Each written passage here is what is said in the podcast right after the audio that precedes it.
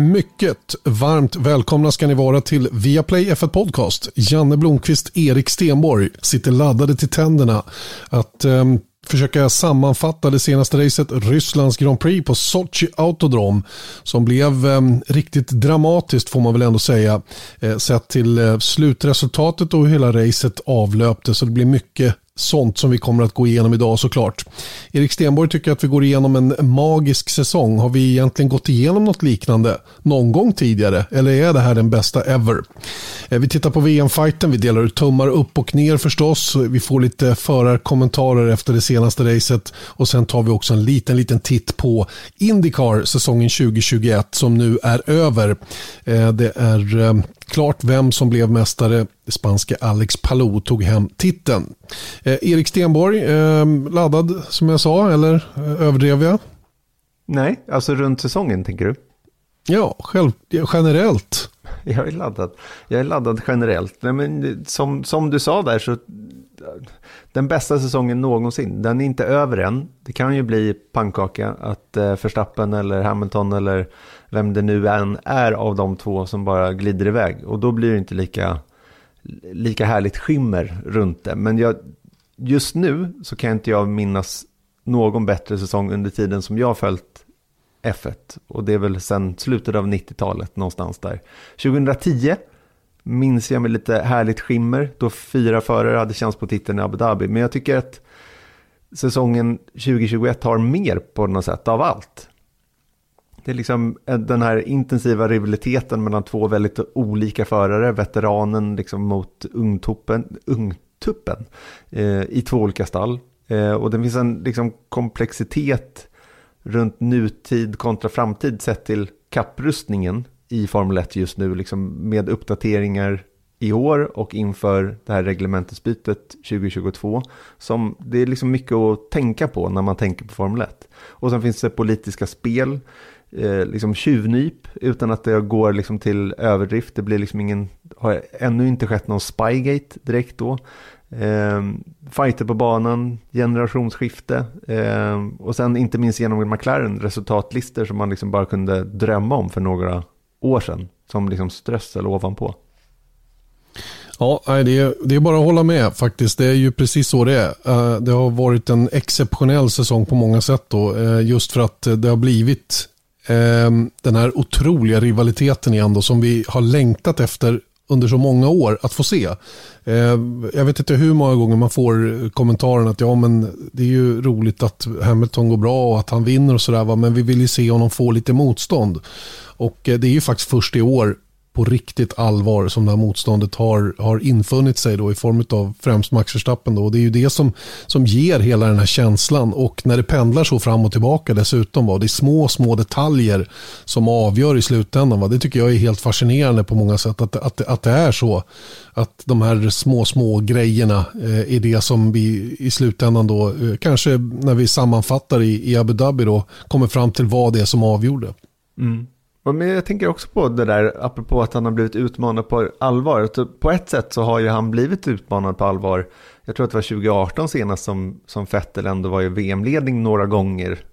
Lite duttigt sådär. Men sen så var det ju ändå så att runt den här tiden, då var allting redan över. De orkade liksom inte, inget team har liksom orkat hänga med hela vägen ut. Och nu så tror jag att istället att Red Bull är till och med starkare.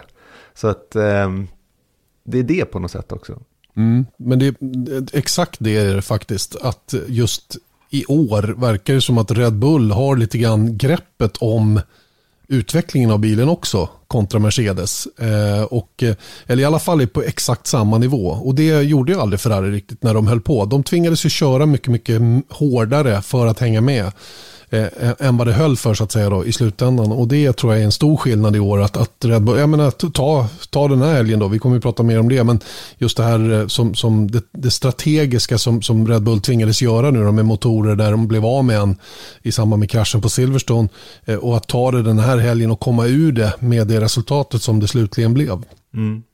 Och sen så allt den här i rivalitetens namn tror jag är just att det blir så himla bra race rakt igenom. Det är liksom spännande under hela race istället för några varv. För F1-klassiker som vi har på Viaplay tror jag, eh, fortsatt. Det är ett så bra exempel, för många av de där klassiska racen, är det Europas GP 93 på, på Donington, när liksom, det är en sån här klassisk race verkligen som man minns och, och liksom, eller som man hört stories om. Tittar du på det racet så är det jätteimponerande de tre, fyra första varven. Sen så händer ju i praktiken ingenting. Spa 98, det är också en sån där, så här, oh, Damon Hill vinner en Jordan, det är den där kraschen, eh, Schumacher går ihop med Coulthard när han ska varvas och allting vad det är. Men om du verkligen tittar på racet så är det inte spännande rakt igenom. Jag pratade om säsongen 2010 när fyra förare kunde Eh, hade chans på titeln i Abu Dhabi. Det racet är bra för att det är laddat med ett mästerskapsavgörande, men racet i sig är inte speciellt spännande. Det, det är spännande under några få varv. Och i söndags och många andra race den här säsongen så är det spännande från start till mål, för man vet inte riktigt vad som ska hända. Håller du med mig? Jag håller helt med dig. Det är exakt så det är faktiskt. Och eh, det är, det som, det är återigen det då som, som gör den här säsongen speciellare mot alla andra. Och det var någon som frågade, ställde frågan på Twitter och jag sa att det där ska vi försöka reda ut idag eh, i podden. Just, är inte det här den bästa säsongen ever? Mm. Vem, vem utmanar annars? Vilken säsong utmanar annars? Och jag kan inte dra mig till minnes någon säsong. Det finns säkert minnesgoda som kommer att säga att jo men det är året och det är året. Va? Det är helt på det klara med att det kan vara så. Men samtidigt så tror jag att det är inte många säsonger, i alla fall inte under mina år heller, som, som kan erbjuda den här jämnheten mellan två team på det sättet som vi ser idag. Eh, visst var, visst var Benetton, eller, ja, Benetton och Williams var jämna då, 94-95, men det var, då var det ändå så här, det, det, var större skillnader än vad jag upplever att det är idag. Ja, men, och det, det här som exakt var min poäng, att om man tittar 94, det ska avgöras i Adelaide, i, mellan Hamilton, eller med Hill och eh, Schumacher. Mm, det var spännande, men jag tänker som säsongen i helhet betraktat så var inte det samma, nu har inte jag sett alla race på eh, säsongen 94 eh, på, sen 94 och jag tror inte jag såg alla race 94 då heller för jag var bara 12. Men det var inte så här jämnt, förstår du, under hela race eller enskilda race utan det var, det är ingen som har dominerat den här säsongen. Varken Mercedes eller Red Bull. Och det är samma sak, jag tror att man om det nu är någon som har eh, andra åsikter runt om det här är den bästa säsongen eh, genom tiderna, mm, inte vet jag, men däremot så tror jag att man blir lätt förvirrad av att, tänk, ta säsongen 2008. Säsongen avgörs i den näst sista kurvan när Hamilton tar sig förbi Timo Glock. Mm. Det var superspännande, men återigen, racet fram tills dess, för det såg jag ganska nyligen, för ett halvår sedan eller någonting, eh, Brasiliens Grand Prix 98, eller 2008. Jättespännande där och då. Det är den mest klassiska liksom, eh, avslutningen på en säsong kanske. Men som race betraktat, ja, inte en, någon höjdare egentligen. Förutom det faktum att det är laddat med ett mästerskapsavgörande. Och säsongen 2008 fram tills dess, ja, inte, in, ingen höjdare skulle jag säga. Nej. Jag tror att vi, vi, det vi drar fördel av i år är ju i mångt och mycket då att, vi, att det blev ett extra år på reglementet. Vi är på max faktiskt av vad de här bilarna klarar nu och de som har legat efter har ju haft större marginal att förbättra sig. Vi brukar ju prata i de termerna då när, när det går väldigt lång tid under ett reglement. Att det är ju först de sista kanske två åren som, som det drar ihop sig på riktigt allvar. Det är därför det är lite olyckligt egentligen att vi byter reglementet nästa år eh, ur, den, ur, den, ur det perspektivet. Ehm, och sen ehm, det här budgettaket som har införts till i år håller också tillbaka alla plus att alla måste lägga mycket resurser på det nya reglementet som kommer. Alla de här sakerna sammantaget har gjort att det blir mycket mer komprimerat där längst fram och nu har vi ju, kanske inte varje helg, men vi har ju potentiellt tre team som kan vinna. Eh, McLaren håller ju faktiskt på att segla upp som en sån kandidat som är mer eller mindre stör om pallplatser, absolut. Och, och, och, en bra dag kan de till och med slåss om segern, som nu i Ryssland till exempel, när Merca inte riktigt var på, på toppen av sin förmåga och där Red Bull hade sina omständigheter som gjorde att de inte var med heller. Då är liksom McLaren där och hugger direkt. Och jag tycker det var på merit faktiskt som, som, som Lennon Norris var på väg att vinna det här racet.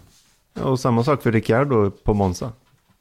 Exakt, exakt. Där var det ju naturligtvis då sprintformatet som hjälpte till lite grann. Men hjälper till, det är något helt annat. Du vet, för två år sedan då hade vi bara sagt ja, Norris i pole, jo, jo, men ger fem varv så kommer Mercan att vara längst fram i alla fall och sen kommer den att sticka iväg. Och jag menar, det händer inte längre och det är den stora skillnaden.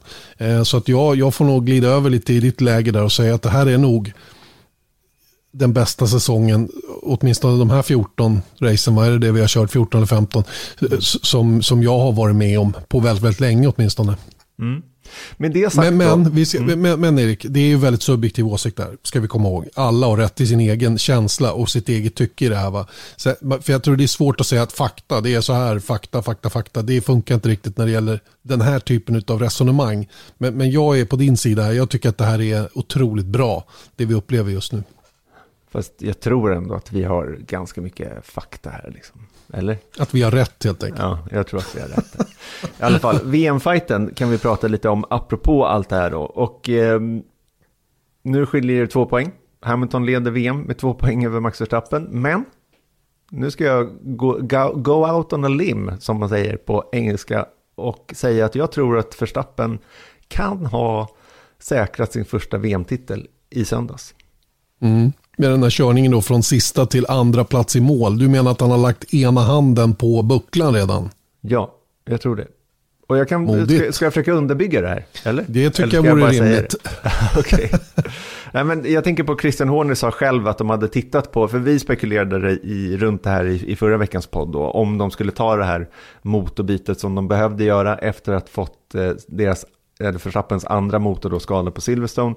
Eh, det var tydligt att någon gång skulle det här behöva ske. Vi trodde att det skulle ske i Ryssland och det eh, skedde också. Och det var det som Christian Horner själv sa, att de hade tittat på Ryssland för motorbytet länge, Där de inte trodde att de skulle hänga med. Och grejen är ju att Red Bull hängde inte riktigt med heller. Nu slutade Verstappen tvåa, eh, men det säger ganska lite om deras faktiska speed, för han var sjua innan regnet kom och hade stannat där utan det, tror jag.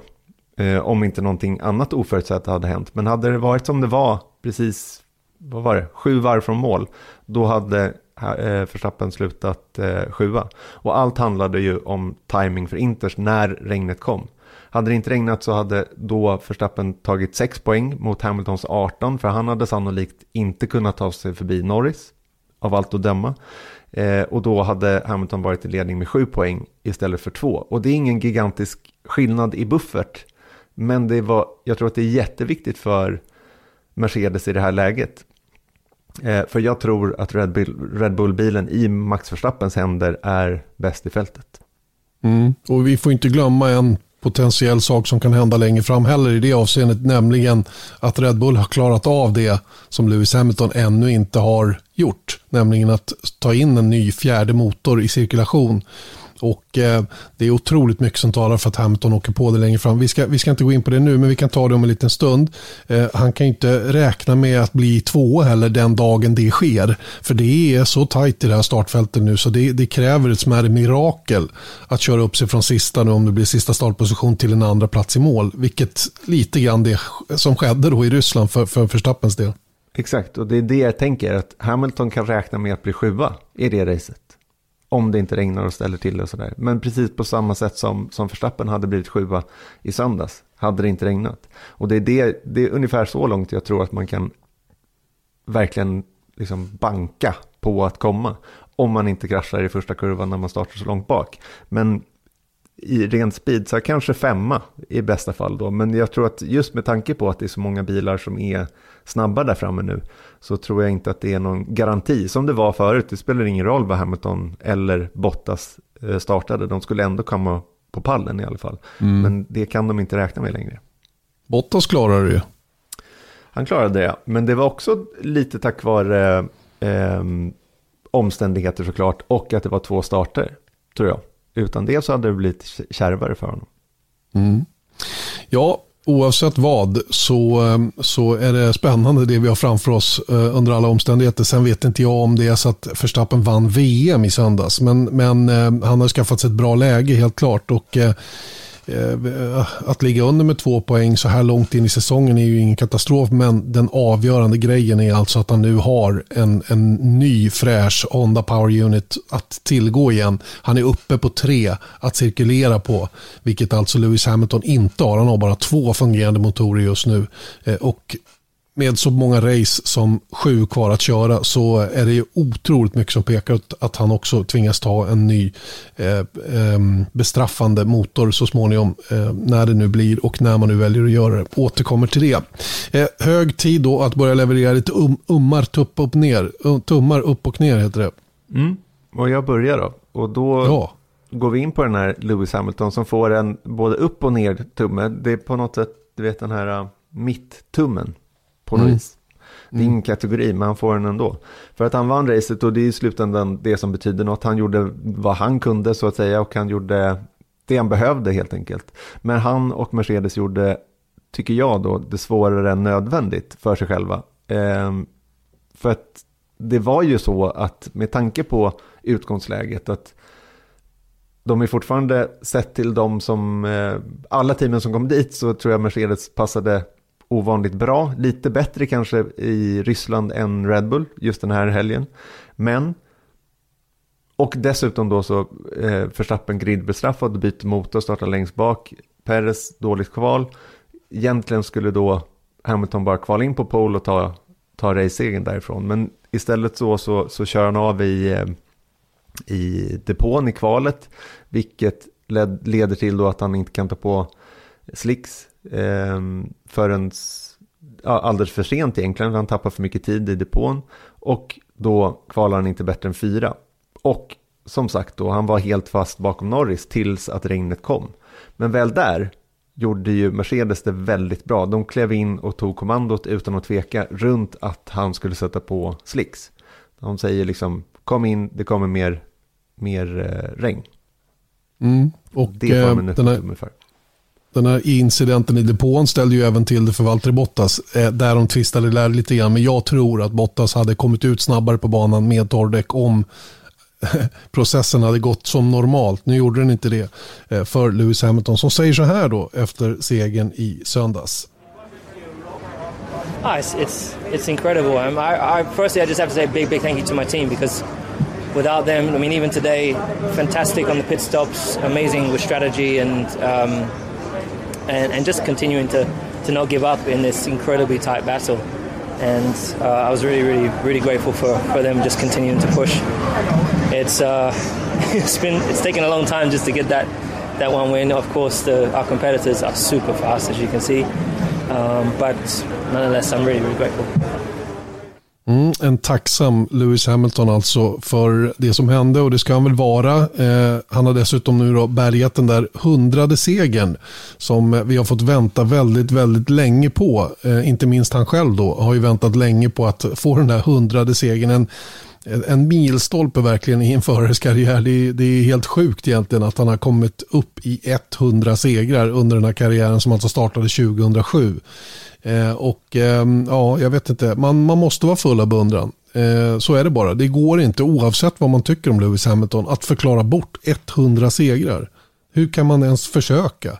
Och varför vill man försöka? Här handlar det ju verkligen om att lyfta en, en, en gigant i den här sporten och den här siffran kommer att bli otroligt svår att slå framöver. Mm.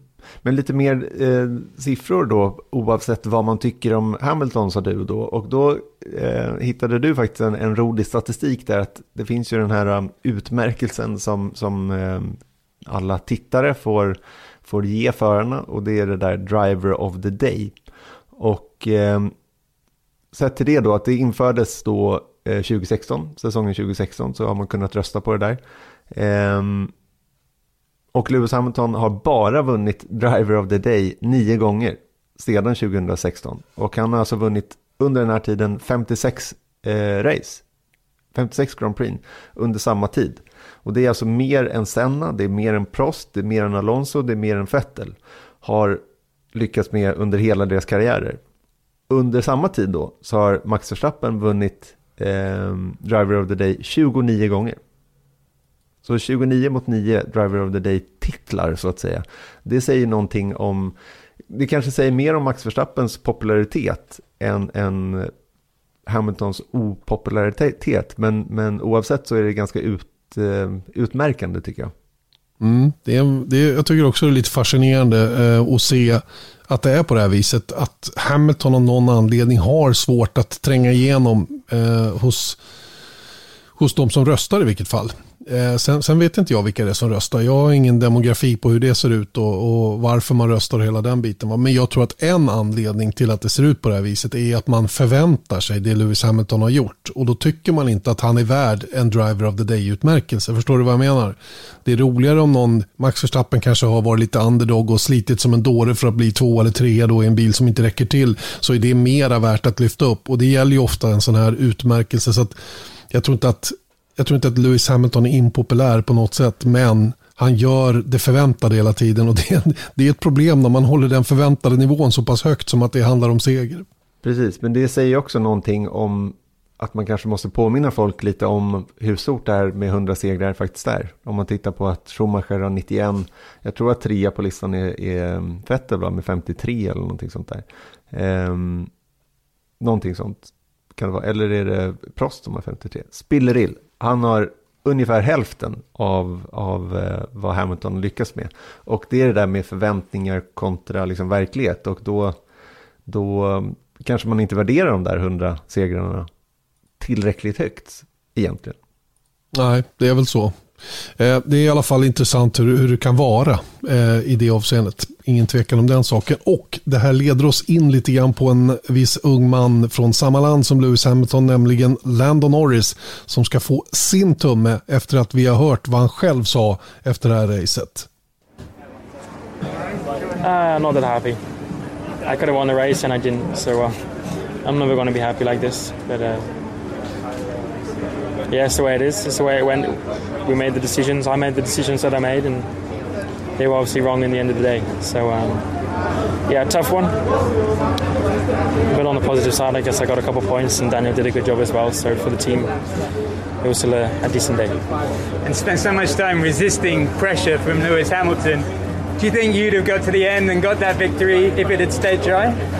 Ah, for sure. I think everything was was under control. Like I had to do quite a bit of fuel saving and uh, that's when he got quite close to me. But as soon as I stopped and I could push, then everything was was fine. So. Um, yeah, you know, even the first like four or five laps when it started to drizzle, it was tricky, but I still had it under control. I made some mistakes, but I guess that's what happens when you're at least leading the out of those two. You know, and if he's putting pressure on, you can't just drive slowly and let him pass. Um, so it was tricky, but what we just for some reason didn't see was how much more rain was was suddenly going to come, and um, I didn't get told that. I didn't know about that, and um, I made my decision on what we had before. The information that I got told, which was the drizzle was going to remain a drizzle, not pouring with rain. So uh, yeah, I don't know. Um, it just was all going so well, so I guess it makes it feel even worse. But uh, not the result we wanted in the end. Mm, inte det resultatet de ville ha i slutändan, självklart inte. Och just slutresultatet gör ju att det är svårt att peka den där tummen spikrakt uppåt. Den, jag tycker ändå att den står på typ klockan 10. Eh, den är mer upp än ner i alla fall. Eh, den är inte helt mitt på. Eh, fram till regnet så var han ju untouchable. Eh, men om den här teamradion som vi då hörde var allt som sades då mellan Norris och teamet så, så bommade de ganska hårt faktiskt teamet. Eh, alla team har ju i stort sett samma väderinformation om de inte har extra spotters eller någonting sånt som, som rapporterar från något håll vilket jag har svårt att tro att de hade den här gången i Ryssland. Då, utan det var ju regnskurarna som kommer från havet. Frågan var ju bara i vilken intensitet de skulle komma och hur länge. Det de har att använda sig av är ju den här väderradarbilden som är ganska välkänd nu. Men när man tittar på den och man kan zooma in den väldigt tydligt. Eh, men sen måste man ju korrelera det med vad, vad föraren upplever i nyss nämnda kurva. Och det, var, det är det här som blir lite lurigt då. Eh, de ställer frågor till Norris hela tiden. Inte kanske var lika tydliga som Mercedes var till, till eh, till Lewis Hamilton. Det kommer mer. Oavsett vad du upplever nu så kommer det mer. Och det är någonstans här som, som, som de gick snett tror jag, McLaren och lite grann Lennon Norris också. Många har skyllt det som hände på att han är oerfaren hela den biten. Va? Ja, kanske det, lite grann. Men jag jag tycker nog att hans ingenjör visade mer oerfarenhet i sånt fall och att teamet inte riktigt är vana att vinna än. De är inte riktigt där ännu i de här knivskarpa situationerna. Eh, oftast har ju de varit i lägen där de är tvungna att chansa och ingen har kunnat liksom eh, klandra dem för det. Den här gången chansade de bort en seger genom att inte vara noggranna ordentligt. Och det är väl det som blir lite problemet då. Och jag menar, hade de bara gjort det de skulle, kommit in på rätt varv så hade de ju kunnat tappa segern, ja. Men han hade ju inte tappat kanske mer än till en andra plats. Nu blev det en sjunde istället. Så att, eh, ja, jag vet inte. Det känns som att de, eh, som sagt, är lite ovana att vara i den här situationen hos McLaren än så länge. Mm. Nej, men det är just den där grejen som när Pete Bonington kommer på radion och säger till Hamilton. Eh, kom in, ta på Inters. Han bara, men det är helt, eh, det har slutat regna. Ja, men det kommer mer. Det är ju nyckelgrejen. Istället så ställer de en, faktiskt med facit i hand då, en helt irrelevant fråga till Norris. Vill du ha intermediates? Och då säger han så här, nej det vill jag inte, för han ser ju vad han ser och känner där och då. Men nyckelgrejen här är ju att det kommer mer. Mm. Så kom in, vi vet mer än vad du gör. För att det är som du sa, som, som Björn sa också där, att Förarens ansvar är att berätta hur det är nu, men vet de mer information, teamet, då måste de ju säga det. Och det är mycket möjligt att de läser den där väderradaren eh, helt annorlunda än Mercedes, men jag tänker på att det var väldigt många andra som kom in där också. Och bara det tycker jag att McLaren tappade bollen på, för att när nu hade det gått några varv och de såg väldigt tydligt då att, att Intermediates var otroligt mycket snabbare i det läget bara det borde de re reagera på eh, alldeles oavsett om det skulle komma mer regn eller inte. För återigen, de hade en garanterad andra plats hade de bara tagit Inters. Och det, det tappade de. Så är det. Så att de får um, gå tillbaka, analysera vad som hände och um, se till att täppa till det här hålet inför framtida race. För jag tror inte det här är sista gången de är med och slåss om segrar nämligen. Sett till den otroliga framfart som de har visat här på slutet. Seger i Italien, var på väg mot seger eh, även här i Ryssland alltså. Och jag tror ju att de är god, gott rustade också inför fortsättningen med det nya reglementet nästa år. Så att det här behöver de verkligen träna på, att vinna. Det är ju en angenäm, ett angenämt eh, problem att ha kanske. Ja, och sen så ska vi ge en uppåt-tumme då till Max Verstappen. Vi har pratat ganska mycket om honom, just eh, vilken eh, flax han hade på något sätt runt det här, eh, hela den här tävlingshelgen. Att han då trots där motorbytet eh, slutade tvåa. Eh, så att vi behöver inte säga så mycket mer, men vi vill höra vad han själv hade att säga. Yeah, I mean, uh, super happy, of course, to uh, to be second. Um, if you would have told me this morning that I would become second today, then um, I wouldn't believe you. But yeah, luckily, um, yeah, the call, of course, to go from the slicks to the inters was the the perfect one. I think the right the right lap and that gave me the positions also to keep the car on track, of course, because I got a few guys on my in lap. But uh, yeah, super uh, super pleased with this. And thinking about how today could have gone if you hadn't made so much progress, so important for the championship, of course. Yeah, I mean, it could have, of course, been a lot worse in terms of how many points I, I would lose, and especially also with the whole conditions. Like it's already very hard to pass, but also today because of track conditions or whatever, the tires were graining a lot, so you also couldn't really push or stay close to someone. And um, then, all in all, of course, to come away with, with second here was for us at least very important. Mycket, mycket viktigt ja. Att eh, komma hem med en andra plats för Max Verstappen och eh, återigen, de har ju uttryckt det själva väldigt tydligt efteråt att bli tvåa den här helgen var ju faktiskt som en seger för deras del och eh, visst, det regnet kom lite som en skänk från ovan. Jag tycker det var lite talande också för det han berättar här om att det var jätteproblem under racet. Den här gröna asfalten, lågt grepp, eh, gjorde att däcken tenderade att graina eh, och när du och, och grainingen kom nog kanske inte när man låg själv utan det var nog främst när du kom in i trafik störd luft, bilen börjar kasa lite på asfalten, då kommer de här graining-tendenserna ganska snabbt och det var ju det som gjorde att hans framfart stannade av Och det blev den här sjön. Han blev ju faktiskt omkörd av Fernando Alonso vid ett tillfälle då när det var torrt. Så att han hade eh, lite bekymmer faktiskt under en period där. Eh, och sen så låg han ju då bara pejsa sig då i, på den där sjunde platsen och sen kom regnet. Och då är det ju återigen en, ett visst mått av tur, ett visst mått av flyt ehm, eh, och skicklighet naturligtvis sammantaget då som gör. Eh, och att teamet då tar ett, ett korrekt beslut i det här fallet och att föraren då litar på att ingenjören verkligen vet att det är rätt att komma in vid just det tillfället. Så att, eh, nej, det här var verkligen jackpot. De drog i den enarmade, enarmade banditen och tre klockor dök upp. Ni lyssnar till Viaplay F1 Podcast. Janne Blomqvist Erik Stenborg fortsätter att dela ut tummar upp och ner efter Rysslands Grand Prix. Den senaste som fick en uppåt-tumme var Max Verstappen, en välförtjänt sådan. Nu ska den neråt. Ja, den ska den faktiskt. Eh, för eh, när vi pratar om Valtteri Bottas så tänker man ju att han hade lite vind i seglen efter Monza. Eh, som sagt, han gjorde en väldigt, väldigt bra helg i Italien. Eh, nu kanske han kunde vara med där uppe för resten av säsongen. Vad viktigt det vore för honom själv och för Mercedes. Hans framtid är liksom utsorterad också, kanske lite lugn runt det. Men svaret på den frågan är ju blankt nej alltså. Och han kvalade in som sjua. Eh, motorbyte, eh, återigen, mer om det om en liten stund. Men därefter då ingen pace då. Och enda anledningen till att han kom femma var det där regnet, återigen då. Och eh, jag menar, innan regnet på varv 47 eller vad det var, då var han utanför topp 10. Då hade han inte ens poäng. Och jag tänker liksom lite på den där kommentaren som Toto Wolf kom med och sa så här, kom igen nu, try to get some points här. Liksom. Mm. Han, det var liksom första gången som man hört Wolf för det första gå på radion, det är ovanligt. Och sen så då eh, liksom verkligen försöka jaga på honom. Han lät liksom lite uppgiven i min bok. Så är det. Jag... Och nu har det gått ett helt år sen han senast vann ett race. Valtteri Bottas. Ja, jag, håller, jag håller helt med Erik. Det, det, det var, jag tyckte det var en helt, det var en riktigt, riktigt dålig insats faktiskt i söndags från, från Valtteri Bottas som, som precis som du påtalade då blev femma och den, den femteplatsen fick han lika mycket till skänks som Max Verstappen fick sin andra plats till skänks men vägen fram dit såg ju helt annorlunda ut för de två. Eh, Bottas startade 16, Verstappen startade 20.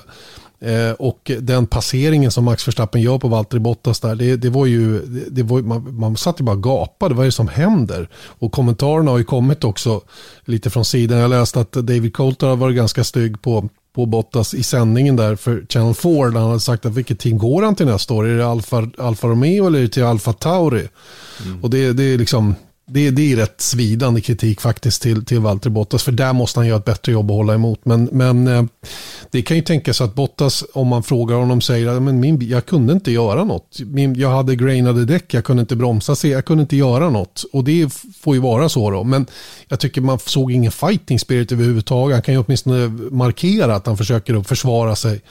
Eh, vilket han inte gjorde i det här läget. Och det, det, det är lite bekymmersamt tycker jag. Mm. För Mercedes inte minst. Eh, inför det som återstår av den här säsongen. Jag förstår att det här inte är så rolig situation. Att hela tiden bli tokoffrad. För det blev han ju den här gången också. Sen kommer vi då till det här motorbytet då. Som snabbt blev en sanning i depån. Att det här var ju ett taktiskt byte som gjordes enbart för att flytta ner honom mot Max Verstappen då och hålla tillbaka Red Bull-föraren eh, så länge som möjligt i det här racet och vinna lite tid åt, åt eh, Lewis Hamilton, eller i alla fall minimera chanserna för Verstappen att ta poäng.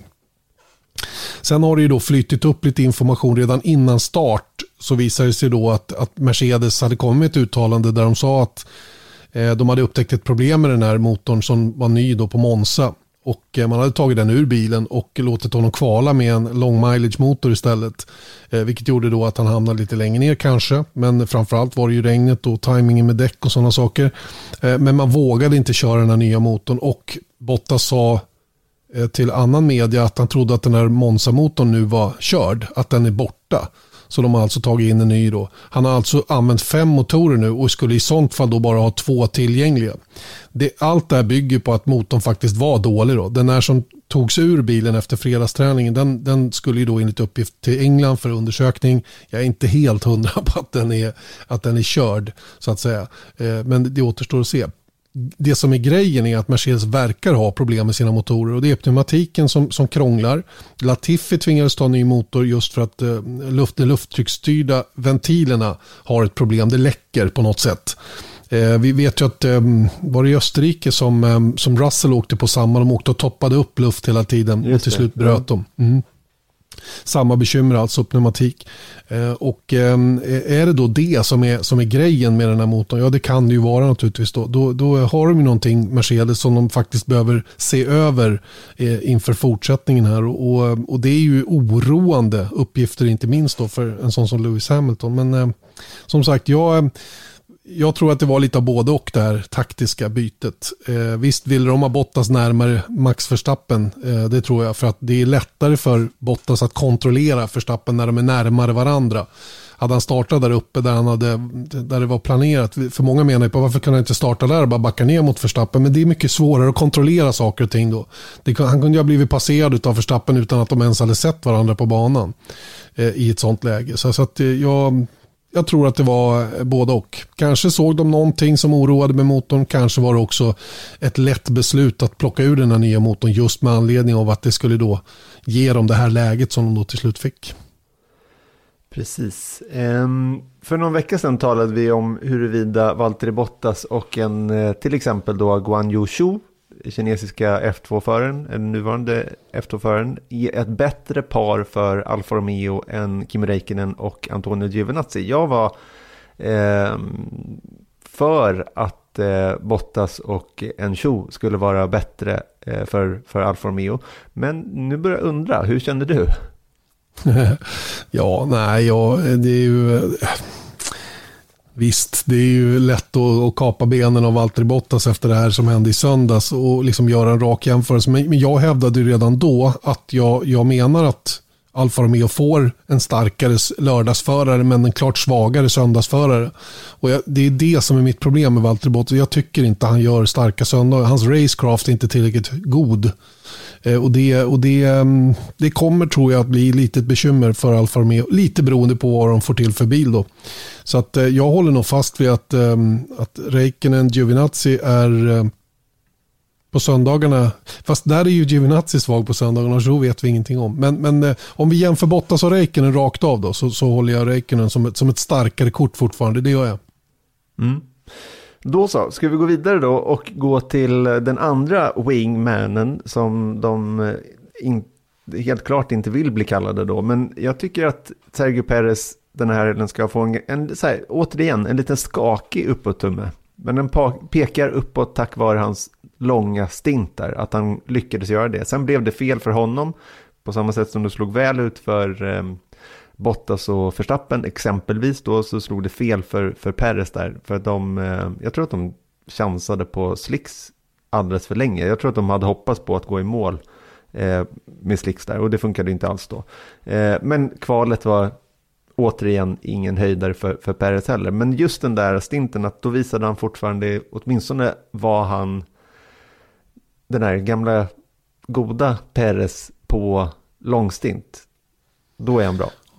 Det, men det är det här som är så förbryllande. Vad det är som gör att den där bilen är så svår att kvala med. För race, att racea med den tror jag är lättare. Om du, om du förstår vad jag menar. Jag tror att när bilen är upptankad och du inte behöver åka i de där absoluta pushvarven så är den lättare att hålla på en hög nivå. Men just de här eh, absolut snabba, tuffa eh, lågbränslevarven verkar han ha jättebekymmer med att, att få till. Eh, Sergio Perez var. Det där är ett problem som de måste eh, lösa på sikt. Inte vet jag. Nu har han, får han chansen ytterligare ett år här. Så vi, vi, får väl se om det ordnar till sig med det nya reglementet hela den biten. Det kanske är ett övergående problem. Jag tycker det är generöst som, som ger honom en uppåt faktiskt. Eh, sett till den kvalprestationen då. Men jag håller med dig. Att från att ha pekat neråt så vred den sig åtminstone mitt på tummen mm. med anledning av den här superlånga stinten då som man hade och det var ju ett kanonresultat på gång då om nu inte man har tagit fel beslut under regnet. Vi går vidare och ger en uppåtumme till eh, Carlos Sainz. Jag personligen har inte så mycket att säga förutom att han var stark och jag tycker återigen då att de här eh, eventuella tvivlen man hade inför den här säsongen huruvida han skulle kunna utmana Charles Leclerc på allvar eller liksom om man skulle spela andra fiol och sånt där. Då han bevisar återigen att han, att han förtjänar sin plats i Ferrari. Nu eh, att han slog Leclerc var ju kanske av viss andra anledningar men ändå så har han visat sig stark när han behöver vara stark och eh, jag gillar Carlos Sainz. Det gör jag också. Eh, jag tycker att Carlos Sainz är en mycket, mycket kapabel racerförare eh, som visserligen har haft lite onödiga krascher och sånt under senare tid som de då har försökt komma underfund med varför.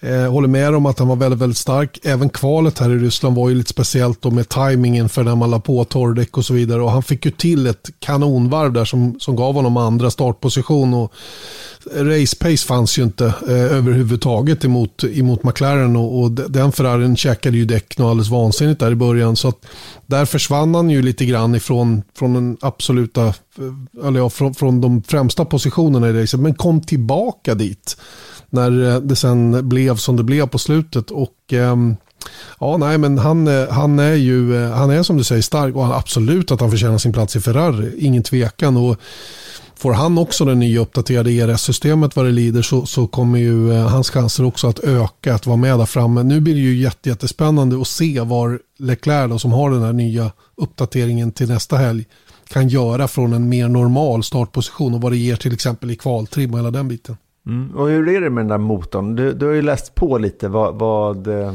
vi har pratat om den under ganska lång tid nu, att den skulle vara en, en significant improvement. Men vad, vad handlar det om?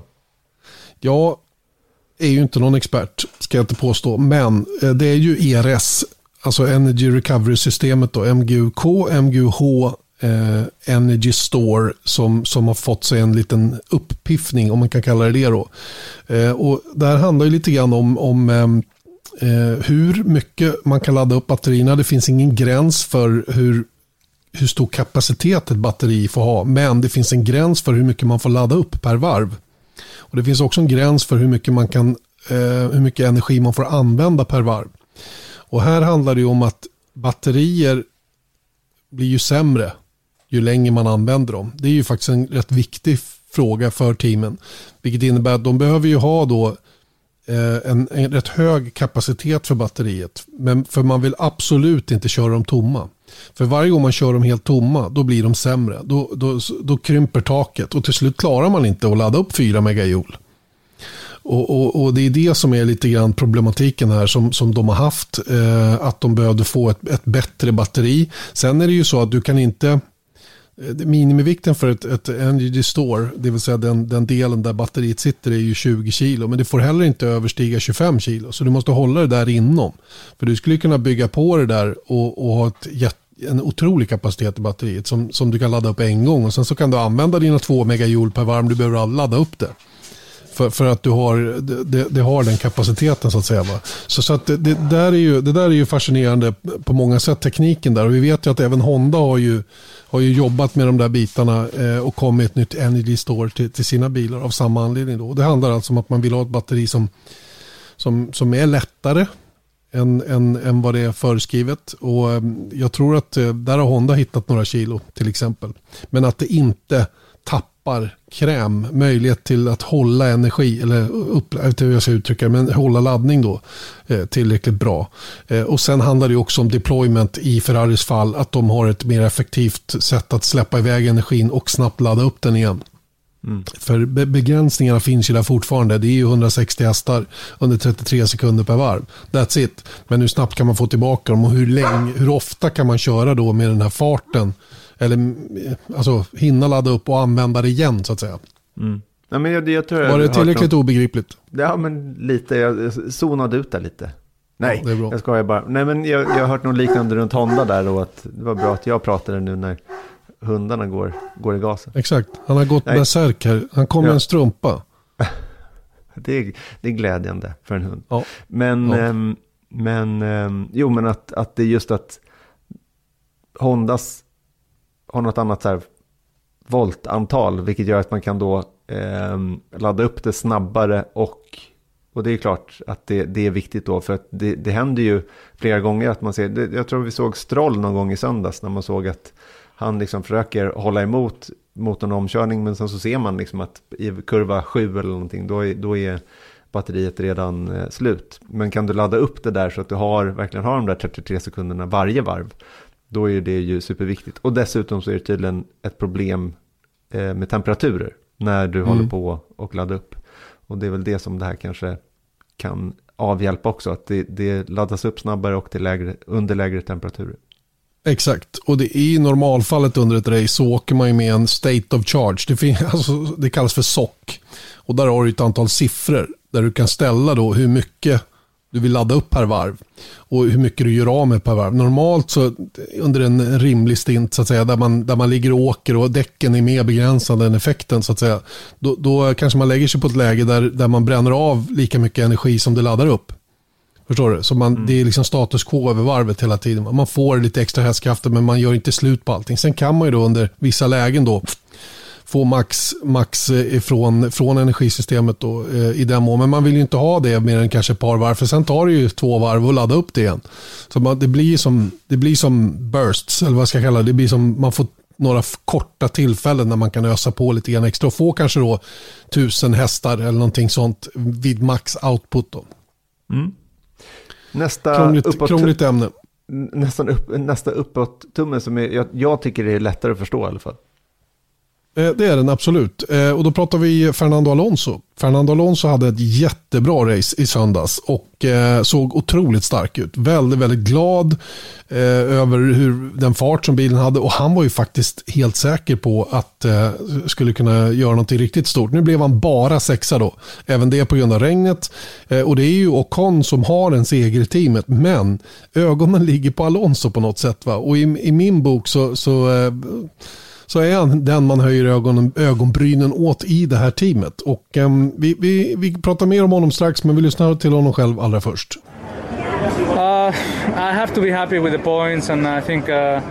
yeah, it's, it's, a good place for the team and for the constructor points. But uh, I think today we, we did a very good race. We, we had an amazing pace. We could keep up with uh, Perez in the first 16, and uh, after the pit stop, we did overtake even Verstappen at one point. So the car was flying today, and I think we deserve more when it started raining, we overtook uh, Perez, and Sainz, and we were P3. So I really thought that the first podium was, was possible today, and, and on merits, not not luck, uh, just by pure pace. And then it started raining heavier. Uh, some people stop earlier, some people stop late. I think Lando and myself we lost a lot of places. Uh, Charles as well, Perez as well, and some people got very lucky and uh, they are up there in the podium. Was the gamble just trying to stay out and see if you can make it to lap 53 on the slicks? No, I think the, the they took the gamble. Uh, normally, you wait on slicks until the conditions are not anymore suitable for, for that slick tire, and then you change tire. They change tire when they're still okay for slicks, but in the next 20 seconds, start raining very heavy. I think you cannot predict that intensity of the rain but they were uh, they were struggling with the dry tires and they gambled. It was uh, a lucky day for sure, but uh, I think we deserve more. But uh, plenty of positives for the team and. Uh, as I said, you know the level of competitiveness that we saw today in the race, it was uh, not seen so far in, in, in, any other race. So we need to understand why and try to, to keep it forward for Turkey. Mm. Spännande med Fernando Alonso hur han uttrycker sig, att det var lucky. Eh, jag kan ju tycka att det finns en viss skicklighet i också att, eh, att besluta att ta de där däcken. Till exempel det som Mercedes gjorde och till exempel det som Verstappen gjorde. Eh, jag vet inte om man ska kalla det tur eller skicklighet. Nej, eh, jag tror att det är 50-50 ärligt talat, om jag ska vara riktigt ärlig, när, när man ser det. En annan sak däremot som jag läste om faktiskt precis innan och som jag tänkte på under racet, men vi kanske inte landade i det, som, jo vi nämnde det, men han, tänkte du på hur han startade? Han kom ju som skjuten ur en kanon för Fernando mm, Alonso. Så bara brände han ju rakt genom avåkningszonen och så bara fort som fasen genom de här blocken och så upp på banan igen. Och, och då tänkte jag så jäklar vad fort han körde där igenom. Hur, hur klarade han det liksom? För det är ju fastställt hur man måste köra om man missar Apex in i, in i kurva 2. Eh, då måste man åka på ett visst sätt genom avåkningszonen. Sen ska man då eh, på höger sida om de orangea blocken och så vänster sida om de vita och så upp på banan igen. Eh, och det, och det, så, så står det i reglerna att man ska göra. Men det finns ett tillägg till den här regeln som, som då handlar om att man får inte, när man väl kommer upp på banan, komma upp framför den förare som man var bakom i starten. Mm. Och eh, det är ju lite intressant. För då, det innebär, då kan man ju, då kan man ju, eh, eller då måste man ju tänka på det så att säga. Va? Men det som är coolt med Fernando Alonso, jag tror att det var Karim Chanduk som hade sett att han på några av varven på väg till griden då gjorde en sån grej, eller om det var under träning eller någonting. Han, han provkörde igenom där för att se hur fort det går. Och eh, det visar sig då att eh, man kan ju, för han har ju varit tidigare under säsongen rätt eh, vokal med att han inte var speciellt impad av att folk körde i avåkningszonen i Österrike till exempel. Mm. Och han försökte hålla sig på mm. banan och han tappade positioner på det. Så han eh, tror jag hade nog eh, eh, lite i bakhuvudet här. Nu ska jag också använda, exploatera reglerna till fullo och eh, inte, åtminstone inte tappa på det. Eh, och då kan man ju undra så här, vad är det för, hur kan man inte tappa på att åka genom avåkningszonen och väja igenom där? Jo, det är så här nämligen. I och med den här regeln då som, som, som det handlar om, där Russell startade trea och flög iväg med en väldig fart och kom iväg också bra genom kurva 2 och sedermera in i kurva 3. Så insåg Alonso att om jag, gör, om jag bara struntar i att vara där på insidan utan jag tar utsidan på en gång kan jag hålla mycket, mycket högre fart. Jag kan bromsa betydligt mindre in mot kurva 2 än vad alla andra gör som måste genom. Han kan hålla en högre fart genom avåkningszonen, ändå göra det som reglerna föreskriver och komma upp på banan och komma ut bakom George Russell. Det vill säga han har inte brutit mot en enda regel här överhuvudtaget. Ingen whatsoever. Och ändå har han på något sätt åtminstone inte förlorat någonting på det. det som, som han sannolikt hade gjort då i en, en trög passage som det är mellan kurva, genom kurva 2 och 3 då, i trafiken. Han, han riskminimerade på något vis. Exakt, va? han bara låser sig längst ut till vänster och så bara höll han ner och bromsade mycket mindre än alla andra och stayed out of trouble, vilket brukar vara rätt viktigt i, i sådana här race. Det är lite typiskt Fernando Alonso att liksom ens tänka på de här grejerna tycker jag. Han hade ju sällskap av några andra där som, som hamnade där av en helt annan anledning. Men jag är rätt säker på att Alonso hade bestämt sig redan från början att det här det här kan vara ett, ett bra sätt att inte riskera bli av med en framving eller hålla på och stöka där när det är som allra mest intensivt genom kurva 2 och inledning på kurva 3. Mm. Alonso. Alonso. El Crocodillo. Mm. Eller vad han heter. Krokodiljo som jag kallar honom, ja precis. Jag vet inte om han är så mycket krokodil. Han är, han är, han, det man uppfattar däremot är att han, det har jag ju sagt så många gånger nu, men han verkar tycka det här är sjukt roligt alltså. På riktigt mm. roligt. Och han börjar liksom få smak på det som finns där framme, som är väldigt länge sedan. När stod han på pallen senast? 2014. Tror jag det sånt, ja. Så, så, så, att det, det, är ohyggligt länge sedan. Så att han, han, liksom, han börjar att inse att det är, inte, det är inte så långt borta längre. Och där, nästa år tror jag kan bli oerhört intressant om, om alpin får till det. Mm. Eh, du har lite fler tummar här. Nej, vi har en till tumme och det är till Sochi Autodrom. Vi pratade om det förra veckan inför den här racen att det här är ingen bana man kommer sakna. Men ju längre det har gått av helgen så har man ju börjat förstå lite att det finns en del utmaningar. Det är en rätt eh, tuff bana att eh, bemästra, inte minst när det regnar. Ehm, och när en bana bjuder upp till ett sånt här race, oavsett anledning, så, så tycker jag att den ska ha en uppåt-tumme, banan alltså.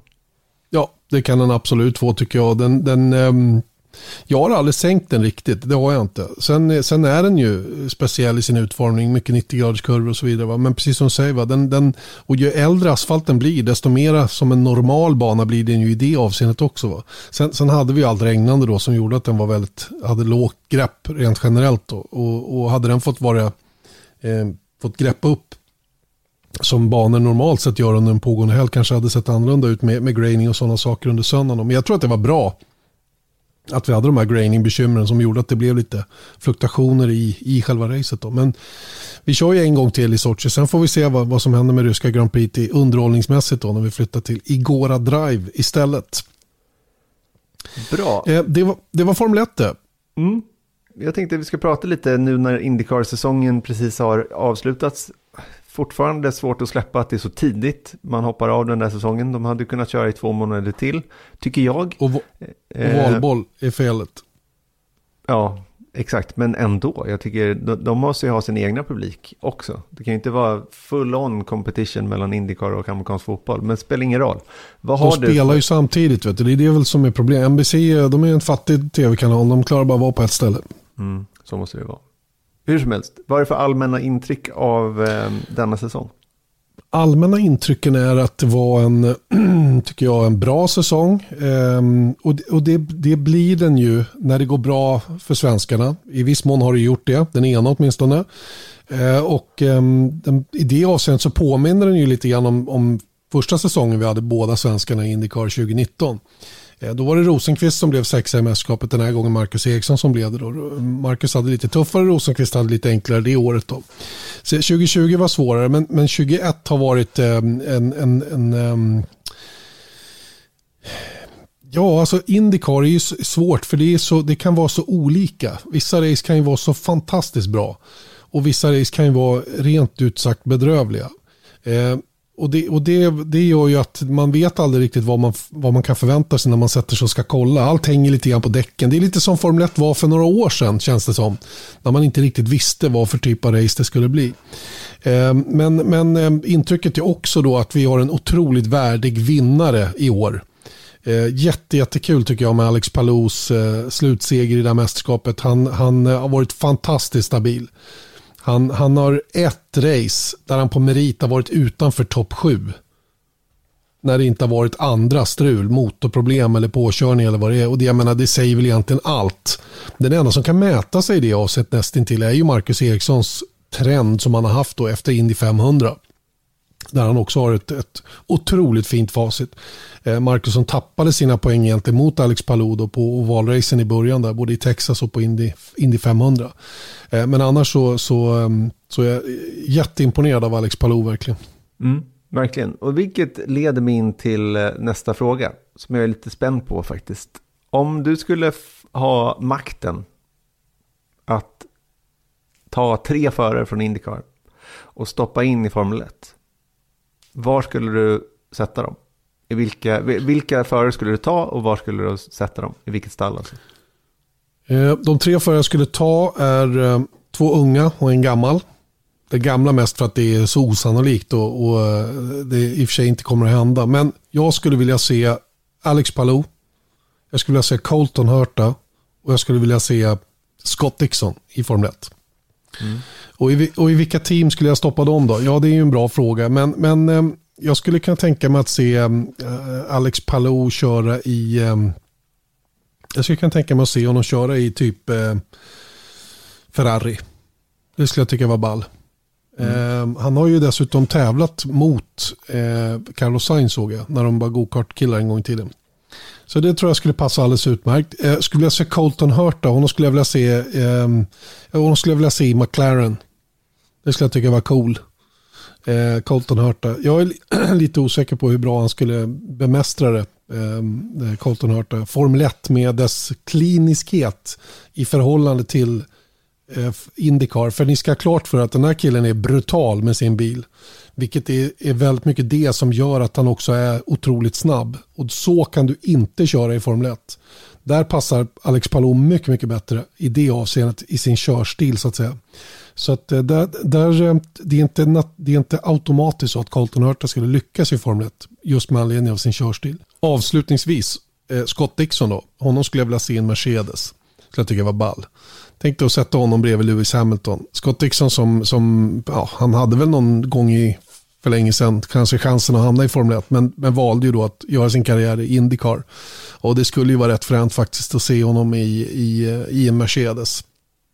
Nu kanske folk tycker att jag är dum som inte önskar upp för Rosenqvist eller Marcus har redan varit där så han är liksom diskvalificerad för den diskussionen. Men faktum är att de här tre som jag nu räknade upp de är faktiskt mer spännande i nuläget eh, än att flytta upp Rosenqvist i, i, i Formel 1 som naturligtvis också hade varit kul att se i en Formel 1-bil vad han kunde göra. Eh, jag är helt säker på att han skulle göra ett alldeles fantastiskt eh, bra jobb men nu fick jag bara välja tre och de tre mm. har jag valt. Men då kan jag lägga till två då? Och då, då, mm. då tar jag Rosenqvist i bra. McLaren då, såklart. Och sen så skulle bra. jag även ta Pat O'Ward. Det skulle vara kul. Ja. Lite på samma premisser som Colton Hurta. Aggressiv typ mm. liksom. Och se honom eh, eh, hafsa runt en Red Bull kanske. Eller en, eh, åtminstone en Alfa Tauri. Tycker mm. jag. Pat O'Ward var inte han Red Bull junior ett tag? Jo, en, en, en kort stund eh, var det så. Sen så releasades han då och det gjorde ju att han fick eh, eh, ja, egentligen chansen att, att hoppa på McLaren-tåget i slutändan. Ehm, du tror inte att det var tvärtom? Ja, för jag tror ändå att det var, han, han hyllade ju Helmut Marko mm. i alla fall. När, när det blev tydligt då att han inte skulle ta tillräckligt med super, eh, superlicenspoäng, vilket gjorde honom värdelös för Red Bull där och då. Och då tog det beslutet då att släppa honom från Red Bull. Eh, så att han kunde liksom pursue his options i USA. Och det gjorde han och eh, han slogs om mästerskapet hela vägen in till sista racet. Visst, man hade ju lite otur där efter att ha vunnit Indy Lights. Eh, han, han var ju garanterad en plats i, eh, i Indycar men den platsen gick ju om intet.